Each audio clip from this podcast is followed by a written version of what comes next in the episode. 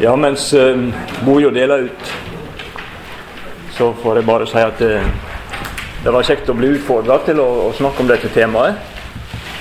Um, innenfor 45 minutter så kan ikke en bore så veldig i djupna, uh, men må ta det noe mer innføringsmessig. Eh, og det føler jeg litt betryggende for min egen del også. For skulle jeg vært dypna, så føler jeg nok litt på at jeg ikke ville være den som burde stå her. Eh, men eh, innenfor misjologien er det noe vi kaller religionsteologi. Kristendommens møte med religionene. Og ikke minst møtet med islam er jo veldig viktig i denne sammenhengen. Så enhver mysiolog må kjenne til religionene, og ikke minst islam, til en viss grad. Og det kan jeg vel si at det er tilfellet at det er. Da begynner det å bli delt ut. Ja, jeg skal forsøke. Jeg har ikke helt god stemme nå, men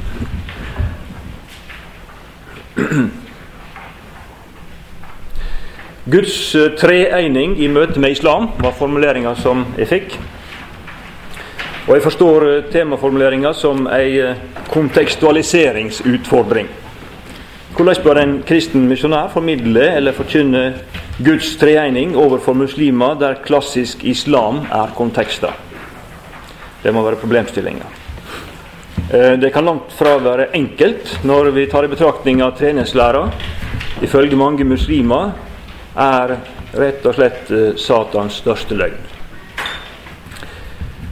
Jeg å ta opp eh, følgende, følgende moment. For det første det språklige sida ved kontekstualiseringa. Bruken av termene Gud og Allah. For det andre det vi kaller tilknytningspunkt. Eh, for læra om den tredje Gud, som vi kan finne i islams lære om Allah, eventuelt. Eh, hva for element i den kristne i det kristne gudsbegrepet kan vi finne att i det islamske som bruer for en kristen forkynning. Og for det tredje, for element i de to gudsomgrepene lar seg ikke, absolutt ikke sameine, og fungerer dermed som barriere for en kristen forkynning. Det fjerde punktet, eller fjerde saka i det en vil kalle en kontekstualiserings, eh, et kontekstualiseringsprosjekt, det må være hva en sammenligning av, av eh, de to sakene, og her da, de to gudsomgrepene, eh, vil medføre av eksplisering av element ved vår kristne gudsforståing. Kontekstualisering av element i kristendommen til ikke-kristne kontekster vil ofte medføre at aspekt ved vår kristne tur får nytt lys over seg. Nyanser kommer fram mer eksplisitt. Viktige punkt kan bli i denne nye sammenhengen enda viktigere. Punkt 2 og 3 i kontekstualiseringsmetoden, dette med det vi kaller enkelt brue og barriere, vil jeg slå sammen på den måten at jeg tar for meg både bruene og barrierene ved hvert av de punktene jeg tar opp eh, ved treningslæra. Og Punktene jeg tar opp, det er rett og slett Gud Fader, Sønnen, Den hellige ande, og så treeninga som, som en sak der Maria kom inn når det er snakk om eh, møtet med islam. Eh, og eh, for det femte spørsmålet om vi tror, vi kan si at vi tror på samme Gud, som ofte blir reist. Eh, under fjerde delen av det vi kaller kontekstualisering, dette med eksplisering, så vil jeg antyde hva et kontekstualiseringsarbeid som, som dette kan kaste lys over og understreke når det gjelder de tre personene i Gud. Når det gjelder belegg for islams syn, så avgrenser jeg meg til Koranen. Jeg kunne jo tatt med en del hadith-stoff um, av tidsmessige og kapasitetsmessige grunner. Jeg viser til eh, Koranen, slik, og siterer han også innimellom, um, i samsvar med Einar Berg sin omsetning til norsk. Problemet jeg har fått oppgjeve, kan være opplegg for ei doktoravhandling eller to eller flere. Så min behandling blir som sagt altså innføringsmessig. Så for det første, det første punktet, um, dette med det terminologiske. Um, Allah eller Gud. På norsk, som i norske bibelomsetninger, så bruker vi ordet Gud. når vi omtaler Gud. Vi bruker ikke det greske theos eller hebraisk Elohim eller El. Eh, vi bruker ei, altså en norsk utgave av det opphavlige germanske ordet for den høgste guddommen. Det tilsvarende engelske er 'God', som vi kjenner til, og, og 'godt' i tysk sammenheng. Liksom forfatterne av NT uten nøling tok i bruk det greske 'theos', med alle eh, forbindelsene, konnotasjonene det har til f.eks. Aristoteles' 'theos', eh, som omsetning for eh, det hebraiske El og Elohim. Slik erstatter vi også eh, disse ordene i Nytestamentet og Det gamle testamentet, Theos og Elohim, med Gud. Oversette disse med Gud. Selv om Gud opprinnelig i germansk sammenheng selvsagt hadde andre, vekte andre assosiasjoner enn en, eh, Theos i kristen mening. Men ordet, ordet er blitt fylt med, med bibelsk innhold. Begrepet er det bibelske bak. På samme måte bruker kristne arabere uten nøling det arabiske ordet 'Allah' om den trenige Gud. Arabiske bibelomsetninger bruker altså 'Allah' som omsetning av det greske 'theos' og det hebraiske 'el' og 'Elohim'. Kristne arabere kaller Gud Allah, og det gjorde de allerede før islam ble til på 600-tallet. I norsk sammenheng vil mange muslimer foretrekke å omtale islams gud, Allah, med det norske ordet Gud. Det har f.eks. Einar Berg gjort i, i, sin omsetning av Koranen. Eh, I koranomsetninga og i muslimsk litteratur ellers så ser vi at begge måtene er aksepterte fra islamsk hold. Eh, enten bruke en lokal gudsterm eh, for en lokal høggud, eller bruke Allah. Muslimene i Kina f.eks., liksom muslimene i Norge, bruker begge alternativer. De kan enten skrive 'Anla', og det er ikke trykkfeil her, selv om det sikkert er mange trykkfeil i manuset som ikke er språkvaska på noen måte. Eh, 'Anla' eh, med to kinesiske tegn er ment å være en transkripsjon av Allah. Eller de kan velge eh, det andre alternativet, å bruke navnet for en lokal gud, eh, og bruke, kalle Allah for, for eh, Zenzu, som betyr 'den sanne Herren'. Muslimene kan altså enten bruke ordet Allah om sin gud, transkribert til norsk eller hva språk de måtte snakke, eller de kan bruke et lokalt ord for den høgste guden. Før Mohammed sto fram som profet, så fantes det allerede en arabisk guddom som de kaller Allah. Eh, han ble regna som en fjern og lite aktiv høggud. Ifølge arabisk mytologi så hadde han tre døtre. Eh, det var akkurat slik som meg.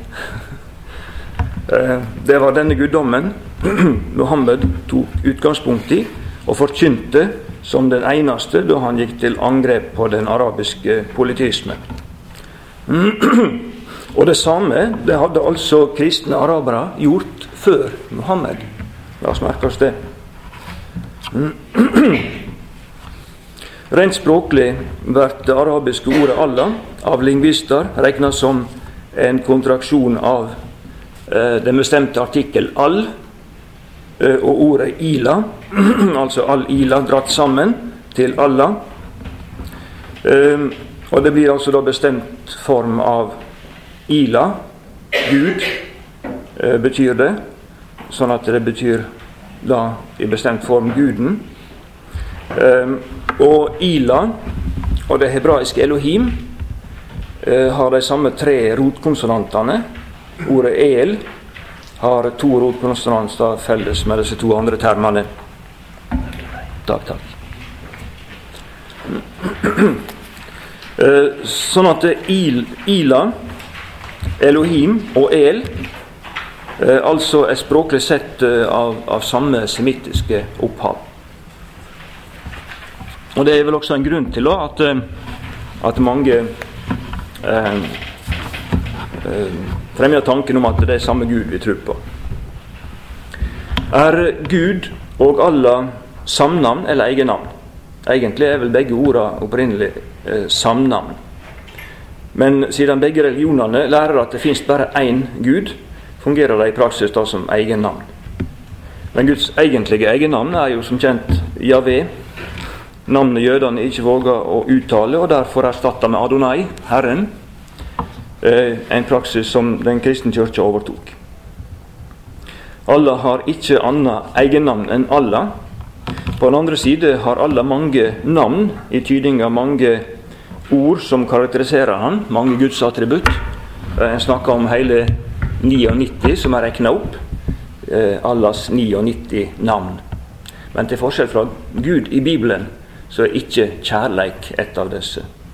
Som vi var inne på. Både muslimer og kristne må altså eh, finne seg i at de andre bruker ens eget ord for guddommen.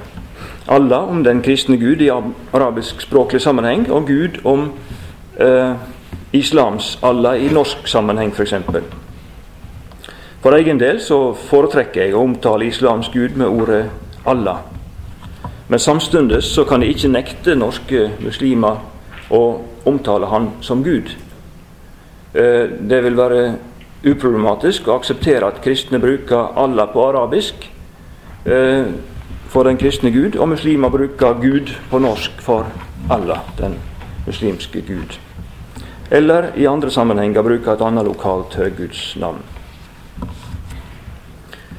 Eh, tilknytningspunkt, brue, om vi skal kalle det det, og konfrontasjonspunkt eller barriere. Det fins rikelig av begge deler, både bru og barriere, eh, for, for formidlinga av læra om Gud i muslimsk-islamsk sammenheng. Og En viktig årsak er at Muhammed og etterfølgerne hans, som var med på å gi Koranen og islam form, inkluderte en god del stoff fra Bibelen og forsøkte å presentere religionen sin som en videreføring og ikke minst kurskorrigering av jødedommen og kristendommen, som begge hadde farvilt, mente de. Fra kristent hold derimot ble Muhammed av mange forstått som en kristen vranglærer. Og Her viser jeg fotnote til en artikkel av Jan Oppsal om, om, om nettopp den forståinga gjennom kirkehistoria i innsyn nummer to eh, i 2010.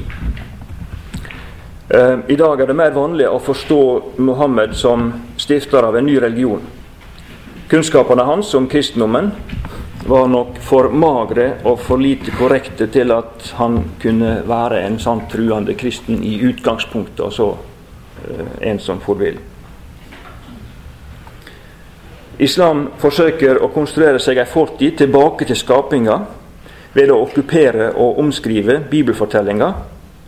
Eh, lite truverdig historisk vurdert, og høgst mislykka, må vi si. Dessuten tar Koranen klart avstand fra både læra om Kristi guddom, og spesielt eh, eh, treenighetslæra. Fra kristent hold må Mohammed derfor regnes som en falsk profet. Utvilsomt og islam som en spesielt antikristen religion. Vi må kunne bruke det uttrykket.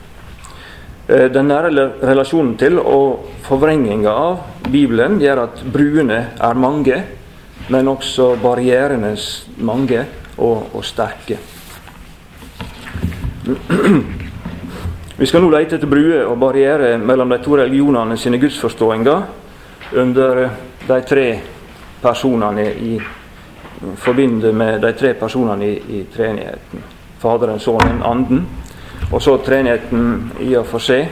Og så spørsmålet om vi tror på, på samme Gud. Hva bruer og barrierer har vi under disse punktene? Først Gud Fader. Eh, når det gjelder første trosartikkelen, så er det helt klart mange tanker som er fellesstoff. Begge religionene lærer Eh, om sin Gud, at han er skaper, opprettholder, lovgiver, dommer. Eh, og han er allmektig, og han er allvitende. Eh, Mennesket er innsett som forvalter av skaperverket og blir stilt til ansvar for livet sitt på dommens dag. Islamske tekster om skapertrua kan i flere tilfeller regnes som nærmest eh, kopier av og justeringer eller endringer også av bibeltekster.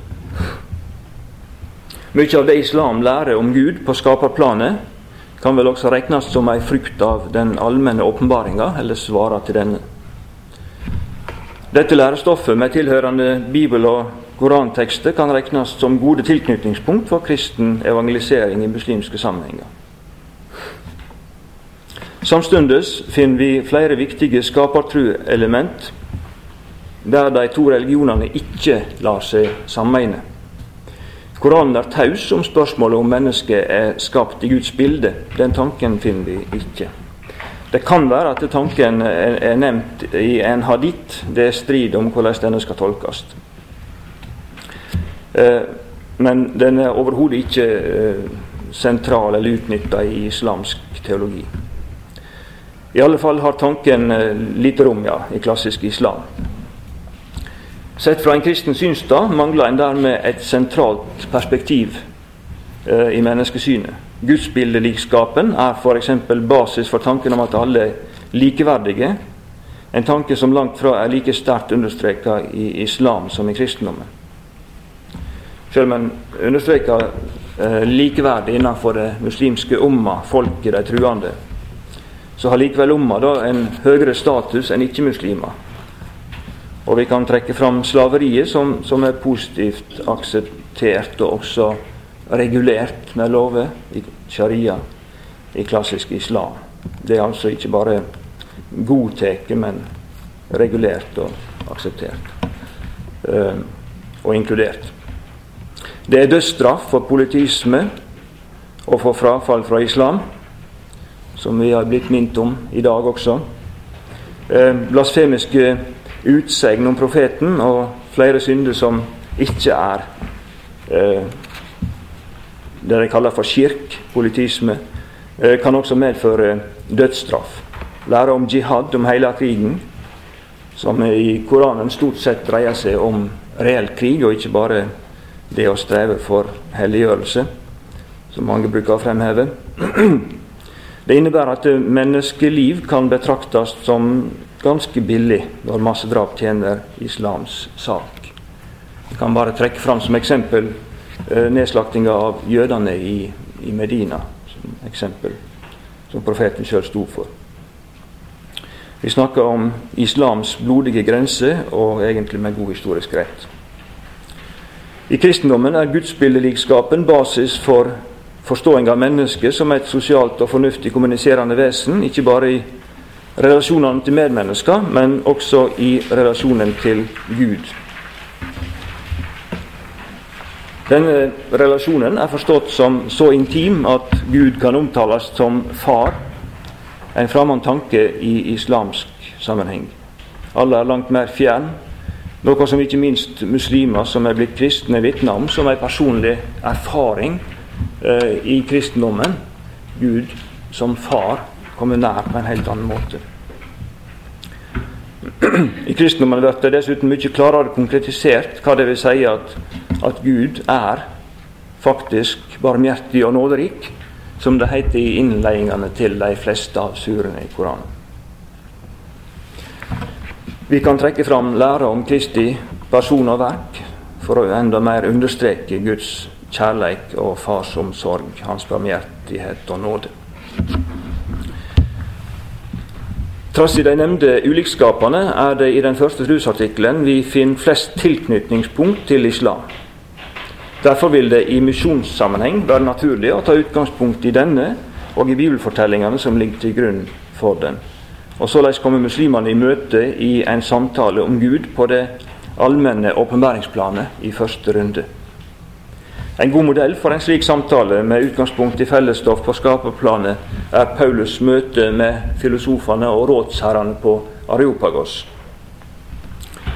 Her sier Paulus i utgangspunktet ja til element i greske forestillinger om Gud. Samstundes hadde han noe mer å si, eh, noe som var ukjent for dem som tilbar den ukjente Gud.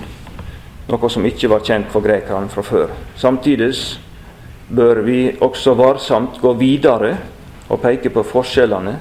Det er mer å si om Gud enn det Koranen forteller oss. Eh, I første runden kan en da løfte fram farsmetaforen og skaping av mennesket i Guds bilde som viktige element. Jesus Kristus, Guds sønn, og islam. Koranen avviser på det sterkeste at Jesus er Guds sønn. Undersøker vi nærmere hva den dermed polemiserer mot og avviser, så ser vi at det i første rekke er eh, tanken om at Gud skal ha avla avkom det dreier seg om. I de fleste tekstene som tar opp dette spørsmålet, blir det avvist at Jesus er Guds valad. Og dette ordet valad er et ord som da er brukt bare om biologiske sønner. I eldste tekster som nevner Jesus, heter det eh, det er ikke Guds vis å legge seg til barn. Det, denne tekster, eh, det som denne og lignende tekster kritiserer, er at Gud blir dratt ned på det menneskelige nivået eh, når han blir regna som Jesu far i biologisk forstand. Hva sier vi til dette? Også fra en kristen synsstad vil tanken om et seksuelt samkvem mellom Gud og Maria være vranglære. I kristne bibelomsetninger til arabisk heter det ikke 'walad Allah', Eh, men det heter Ibn Allah. Jesus er Ibn Allah. Og termen Ibn eh, svarer til eh, den hebraiske Ben, sønn, eh, men refererer til eh, en nær relasjon, nære relasjoner også av ikke-biologisk karakter. Altså, Det trenger ikke være sånn i, i bokstavelig biologisk betydning. Men heller ikke uttrykket Ibn Allah kan aksepteres fra en islamsk synsstad. I Sure 930 blir det i klartekst polemisert mot å regne Jesus som Ibn Allah. Så vi, ikke, vi finner ikke noen løsning den veien. Der heter det, vi siterer fra Bergs omsetning, de kristne sier Messias er Guds sønn, altså Ibn Allah. Eh, dette er faktisk det de sier, og de tar etter det som vantro før dem hevdet. Måtte Gud ta dem fatt hvor de er forvridd. Sitat slutt. Tanken om Jesu guddom er først og fremst forstått som en trussel mot læra om Guds egenskap, eh, tawid, som en kaller det, og som en har en egen sure på, sure 112. Eh, den islamske forståinga av Jesus Kristus som profet og ikke mer må tolkes som umulig å harmonisere med ei kristen forståing. I kristendommen er inkarnasjonen ei kjernesak. Etter islamsk teologi er den å forstå som et forvridd syn som har Guds dom over seg. Avvisinga av læra om Kristus bærer altså et klart antikristent preg. Eh, vi kunne ta for oss mange flere ting om Jesus i islamsk teologi. Jesus som profet sendebåd, hva innebar det? Han gjorde under, blir lagt vekt på. Eh, han døde på korset. Eh, eller gjorde han det? Eh, ble han forveksla med en annen? Det er en debatt som pågår, og de fleste vil mene det siste innenfor islam. Sona han for vår synd? Nei, det må vi vel gjøre sjøl. Eh, han skal komme igjen som en muslimsk eh, messiaskikkelse og utrydde alle kristne, eh, heter det også. Og jeg så en undersøkelse nylig, spørreundersøkelse blant palestinere, at eh, et flertall av muslimske palestinere mente at Jesus ville komme igjen som en slik messiaskikkelse innen deres levetid. Altså om ikke lang tid. Um, ja, og dette med, med jomfrufødselen, islam benekter ikke den. Eh, vi kunne komme inn på flere av disse tingene, men eh, tida tillater ikke det. I misjonering overfor muslimer bør vi ta opp og avvise tanken om at Gud eh, er Jesu far i biologisk forstand. Det, det mener ikke vi som kristne. Det lærer ikke Bibelen. Det har Kirka aldri lært. Her kan vi arrestere Koranen i, i falsk som for, for falskt vitnesbyrd. Eh, noe som for den tenkende muslim egentlig bør være et moment til, til eh, anfekting. Eh, Jesus ble ikke avla av Gud på samme måte som en mann får barn med ei kvinne. Positivt gjelder det å få fram hva det innebærer at Gud kom til oss som en av oss, som et menneske, som vår venn, som vår bror, som elsker oss først og vilkårsløst. Den tredje Gud skapte mennesket i sitt bilde. Den andre personen i treninga ble sjøl menneske i Jesus Kristus. Vi bør forsøke å dra, dra muslimene med i undringa til Lina Sandell er det sant at Jesus er min broder. Gud, min broder, under over under. Det er inkarnasjonen og Kristi gjerning, død og oppstandelse, Gud først og fremst åpenbærer seg som den barmhjertige og nåderike, ord vi gjerne kan trekke fram, og som er kjente for muslimene. Men innholdsmessig Eh, ser vi hva de betyr nettopp i Jesu Kristi gjerning, døde og oppstående. Den hellige ande og islam. I Koranen blir anden omtala i et par tekster som Den hellige ande. Ellers blir han omtala som vår ånd, majestetisk pluralis, eller en ånd fra ham, fra Allah. Han blir dessuten av mange muslimer identifisert med engelen Gabriel. Eh, det er ikke klart uttrykt noen sted i de autoritative kildene, men i, i, i eh, profetbiografien så, så, er dette helt klart uttrykt. Eh, og om englene, og som englene er han skapt av Allah, og derfor underordna Allah. Som Allahs skapning er Anden ikke guddommelig. Koranorda om Anden rokker derfor ikke ved læra om Allahs egenskap. En kan si at islam lærer at Anden har to oppgaver. Eh, for det første han er åpenbæringsformidler og rettleder for de truende. Eh, og for det andre han bles livsande i fosteret i mors liv. Det er han vi har vår livsande fra som menneske. Det fulle uttrykket 'Den hellige ande' er brukt to ganger i Koranen. Eh, I begge tilfeller om Anden som åpenbæringsformidler. Anden formidler Allahs eh, endegyldige åpenbaringer, altså surene i Koranen, til Muhammed. Det blir også sagt at Gabriel, engelen Gabriel gjorde dette, Jibril gjorde dette. Så her ser vi de egentlig eh, identifiserte. Eh, og han formidla evangeliet til Jesus, heter det i Sure 5. Eh, ellers ble anden kalla vår ånd. Allahs ånde. Ande. Vår ånd kom med båt til Maria om at hun skulle bli med, barn. Der ser vi at uh, han igjen har den funksjonen som engelen Gabriel har i Bibelen. Nær knytt til Andens oppgave som åpenbæringsformidler er oppgaven å være rettleder for de truende. Ehm, jeg siterer Han sender ånden av sin ordning til hvem han vil av sine tjenere, så han kan advare dem mot møtets dag, altså dommens dag. Han rettleder, han advarer. Og i Sure 58.: Gud har skrevet troen i deres hjerter og styrket dem med sin ånd. Det å være åpenbaringsformidler, rettleder, er også etter kristen tru en del av Den hellige andes oppgave. Anden formidler Guds ord gjennom profeter og apostler, og verker i ordet og sakramenter til styrke for oss som tror. Det andre oppdraget Allas ande har, eh, som, som nevnt, er å blåse livsande i fosteret i mors liv. Eh, vi får vår livsande som menneske fra Anden, slik Adam fikk den første gangen, da han ble forma av, av, støv, som det heter.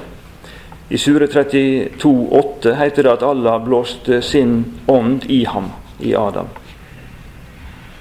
På denne måten gav Anden eh, også Jesus livsande. Og oss, alle mennesker. Eh, anden er altså livgiver, men ikke som i kristendommen i tydinga eh, giver og opprettholder av det nye livet. Han er ikke den gjenfødende. Vi tenker på det nye livet, men her er det i islam er andens oppgave på, på skaperplanet. Når det gjelder dette med å gi liv. Tanken om at Den hellige ande skulle være skapt og være en av englene, kan selvsagt ikke sammenes med den kristne forståinga av anden.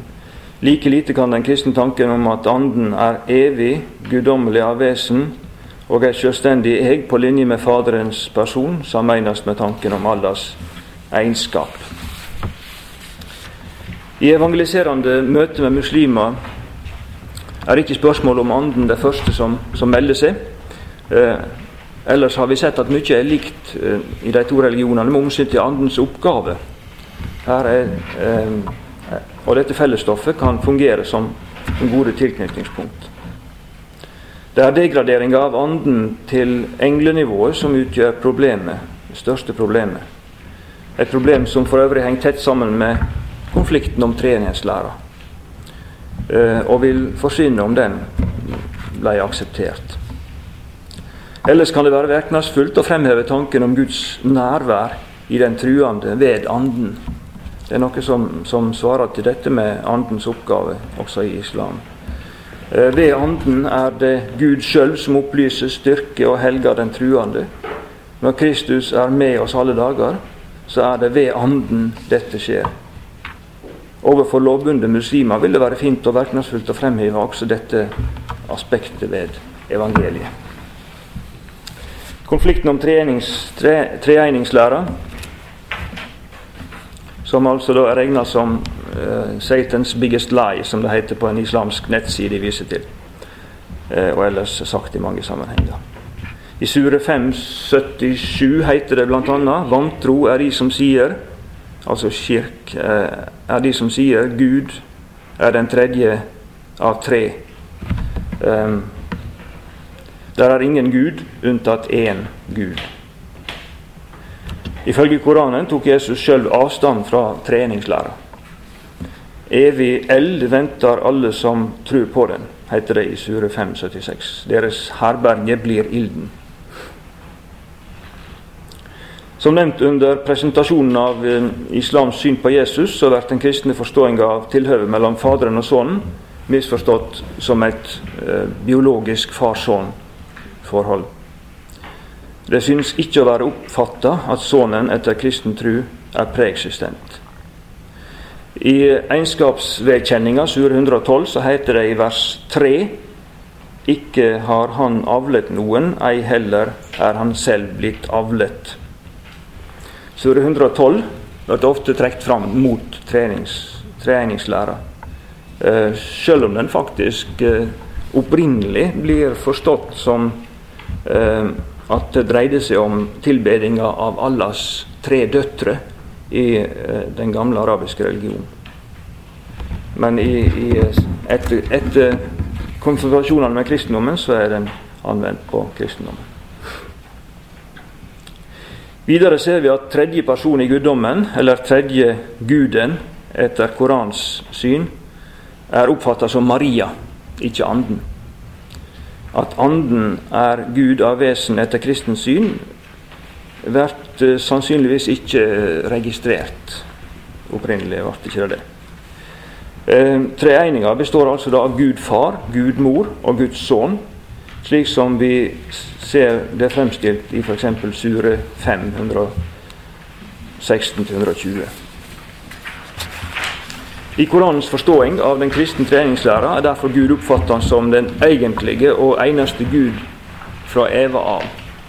Slik tror en at kristendommen lærer. Eh, men så ble i tillegg til, til Gud to vanlige mennesker guddommeliggjorde for ca. 2000 år siden. Maria og sønnen hennes Jesus. Maria ble guddommeliggjort gjennom at hun lot seg befrukte av Gud, eh, bokstavelig talt, og Jesus ved at han ble da Guds og Marias avkom. Så ble han også dermed guddommelig. Dersom dette hadde stemt, så, så kunne islam med rette avvise treningslæra som triteisme, som tru på tre guder, og som avgudsdyrking av eh, mennesker, Jesus og Maria, som kirk, blasfemisk og utilgivelig synd. Og som krenking av Allahs egenskap. Den utgave av treningslæra som Koranen tar avstand fra, er, er altså en totalt misforstått utgave. For det første har Maria aldri vært inkludert i treninga. For det andre var det Guds preeksistente evige sønn som kom og ble menneske, samtidig som han forblei guddommelig. Det var ikke et menneske som ble guddommeliggjort. Og for det tredje så er den tredje personen i guddommen Den hellige ande, som er like evig og uskapt som Gud Fader. Anden er ikke en skapt engel av høy rang. Samtidig må det sies at eh, heller ikke ei rett forståing av treningslæra kan sammenlignes med islams lære om Allahs egenskap. Oppsummerende kan vi si at vi kan operere med en betydelig grad av sammenfall når det gjelder trua på Gud Fader, eh, som skaper og opprettholder dommer, i stor grad av, en stor grad av konflikt når det gjelder trua på Jesus Kristus, og, og skivebom helt når det gjelder Marias posisjon. Eh, og noen viktige kontaktpunkt når det gjelder Den hellige ande, selv om andens guddom ikke er inkludert. I misjon overfor muslimer er det viktig å oppklare disse misforståingene som Koranen representerer. Gud er én i vesen. Det dreier seg ikke om tre ulike guddomsvesen, men om tre personer. Tre eh, jeg-medvitt, jeg-bevisstheter fra Eva av. Og den tredje personen er ikke Maria, men Anden. Kanskje blir treningslæra mer akseptabel da.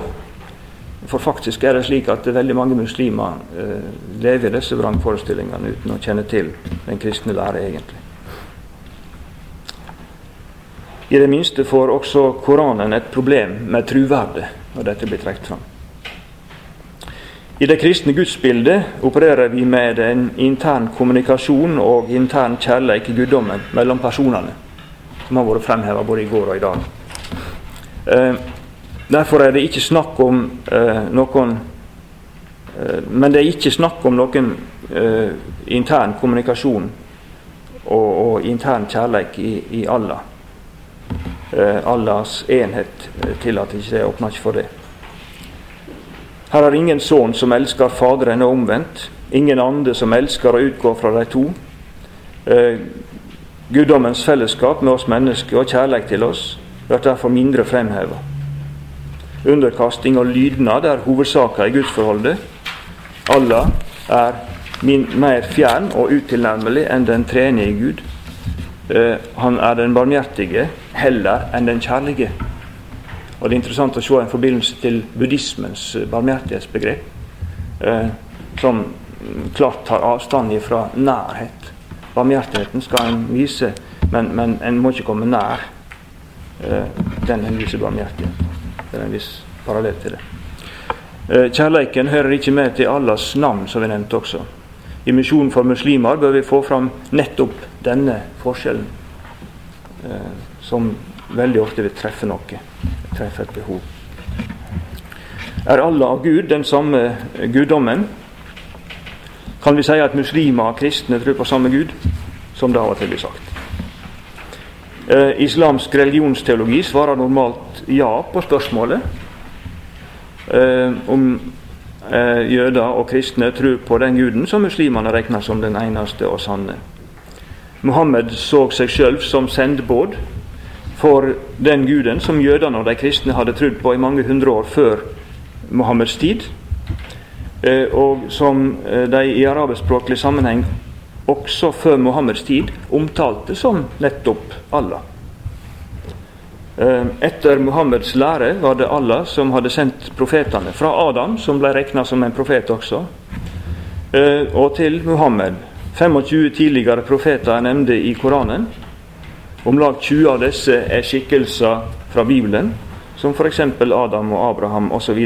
fram til Jesus. Og mange unevnte profeter skal ha stått fram. Mohammed regner seg sjøl som den siste og endegyldige profeten i denne lange rekka. Eh, profetene sitt segl, som han er kalla. Eh, dessuten ble det en god del fortellingsstoff fra Bibelen inkludert i, i Koranen, som nevnt, og i hadith-samlingene. Eh, om enn i de fleste tilfeller i noe omskreven eller ganske omskreven form. Islam adopterte, eller vi kan si stal, eh, og omtolka eller forvrengte, eh, også i noen tilfeller, mange sentrale fortellinger fra GT og NT. De islamske korrigeringene har ingen begrunnelse historisk sett, og kan ikke regnes som historisk troverdige. Ved å plassere seg i rekka av gammeltestamentlige profeter med Jesus som den siste før Mohammed, så voner Mohammed at eh, jødene, kanskje også de kristne, vil akseptere budskapen hans og slutte seg til ham. Generelt fremhever Mohammed et slektskap mellom det han sjøl forkynte, og den jødisk-kristne åpenbaringstradisjonen i den første perioden av, av tida si som profet. Da han ikke ble akseptert av jødene spesielt, ble han svært kritisk til disse gruppene. Den nyeste av de store verdensreligionene konstruerte seg altså ei fortid tilbake til skapinga ved å stjele, litt stygt sagt, jødedommens og kristendommens versjoner av den historien. Og ved å erobre og islamisere de hellige stadene og degradere jødene og de kristne til forakta, undertrykte og utnytta Dimmi, som skulle diskrimineres inntil de ville innse at de hadde spora av fra den sanne trua. Eh, dreier det seg om eh, tru på samme Gud? Vi kan eh, svare fra to ståsteder. Eh, den ene religionsvitenskapelig, den andre teologisk. Religionsvitenskapen kan sammenligne de to religionene sine gudsforestillinger, fortelle oss i hvor stor grad de faller sammen, og hva er ulikt. I hvor stor grad lærer klassisk islam det samme om Allah som tradisjonell kristen teologi lærer om, om Gud. Svaret blir at de to gudsforestillingene har mye til felles, men er samtidig såpass ulike at en ikke kan si at det dreier seg om samme gudsbegrepet. Det vil ikke en religionshistoriker si. Eh, det sentrale teologiske spørsmålet vil være Ligger muslimene da vil en formulere litt annerledes altså, ligger muslimene sine forestillinger om Allah, eh, deres gudsbegrep, så nær opp til de klassiske kristne lærer om Gud at en kan si at muslimene tror på den eneste sanne Gud. Eller tror de på en annen Gud, en Gud som ikke finnes. Eh, også kirkesamfunnene imellom så merker vi jo ulike vektlegginger av egenskaper ved Gud. Vi kan tenke på den senmiddelalderske dommeren som den unge Luther følte han stod overfor og skal for. Den opphøgde, allmektige og allvitende Herren som Calvin i større grad tegna. Eh, den nådige Far Luther fram, fram til. De fremstår som noe ulike. Vi kan si de trodde på samme Gud, men de så han fra noen ulike synsvingler. La noe ulikt eh, vekt på attributtene. Kan det samme sies om klassisk rettruende muslimer? Ettersom læra om Jesus Kristus som preeksistent guddom utgjør en nødsynt del av, den, av det kristne gudsbildet, må svaret på spørsmålet om muslimer og kristne tror på samme Gud, helt opplagt være nei.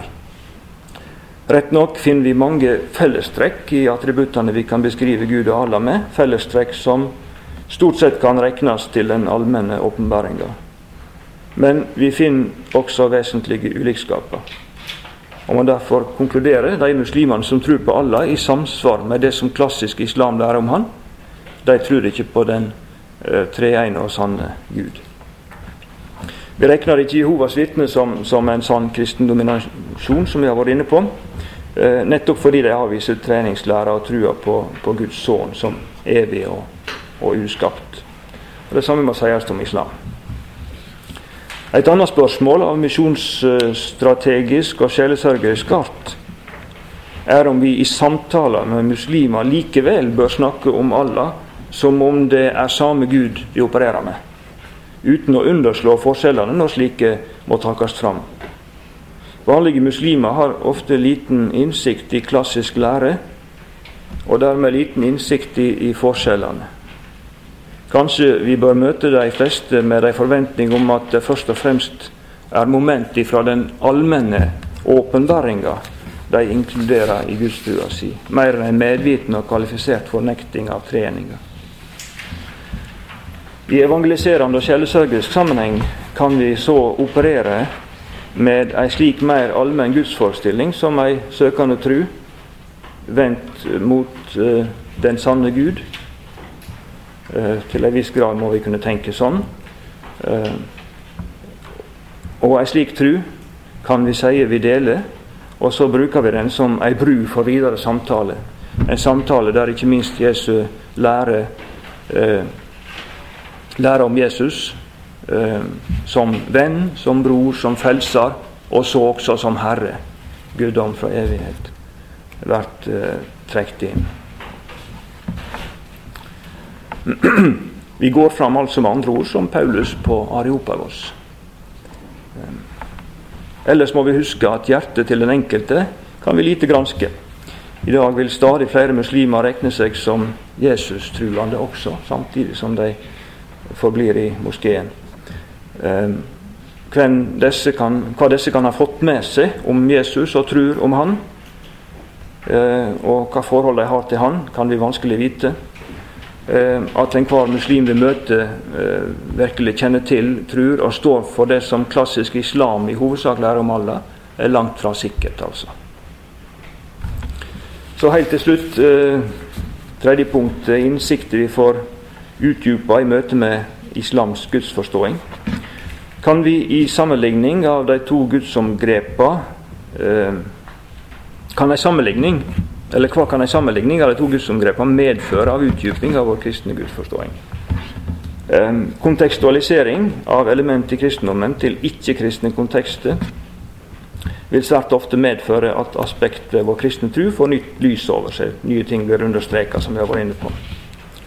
Um, la oss uh, se på dette spørsmålet ut ifra de tre personene i guddommen. Kristne som har vendt om fra islam, forteller hva det betyr for dem at Gud kan tiltales som en kjærlig far. At en kan be til han som en kjærlig far. Ikke minst hva det betyr for sjølkjensla at vi er skapte i Guds bilde. Med de fornufts- og kommunikasjonsevnene og det ansvaret som, som det medfører.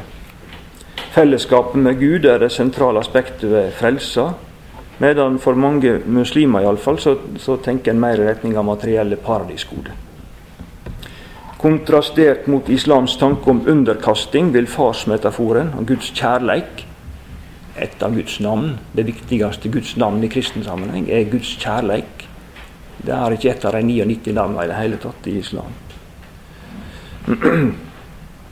Dette blir viktig å, å, å fremheve.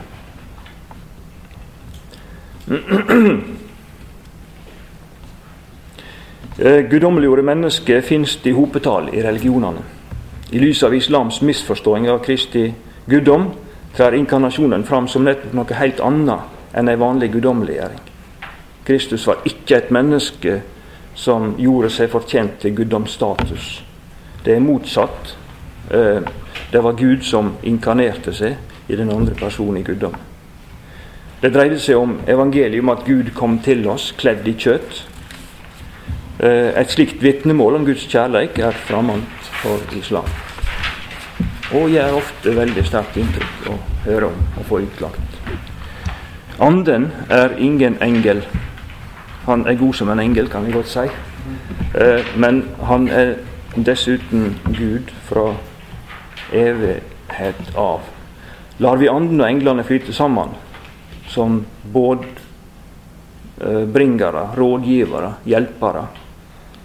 Eh, en helt klar fare i nyreligiøsitet. Eh, et møte med islams englelære der dette er tilfellet, bør vekke til ettertanke. Anden er Gud nær oss i nådemidler og i oss, slik at det kan sies at Kristus er i oss ved Anden, og vi er i Kristus. Anden gir oss frelsesvisse. Her er langt mer enn Gabriel. Konklusjon Guds treening i møte med islam. Teologisk dreier det seg om en frontkollisjon. Barrierene er bestandte. Visjonsstrategisk og sjelesørgerisk bør vi likevel tenke i retning av Areopagos, en møteplass på det allmenne åpenbaringa sin grunn. At vi starter der. Og så er bruene veldig mange.